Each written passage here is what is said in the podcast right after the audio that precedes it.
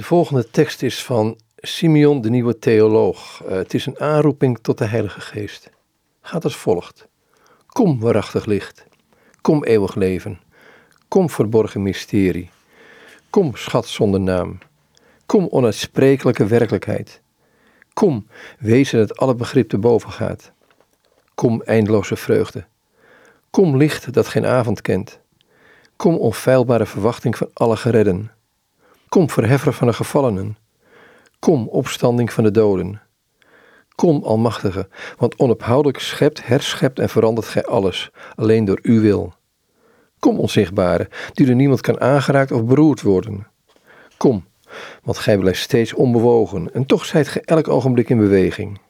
Gij komt dichtbij ons die in de hel zijn en toch blijft gij hoger in de hemelen.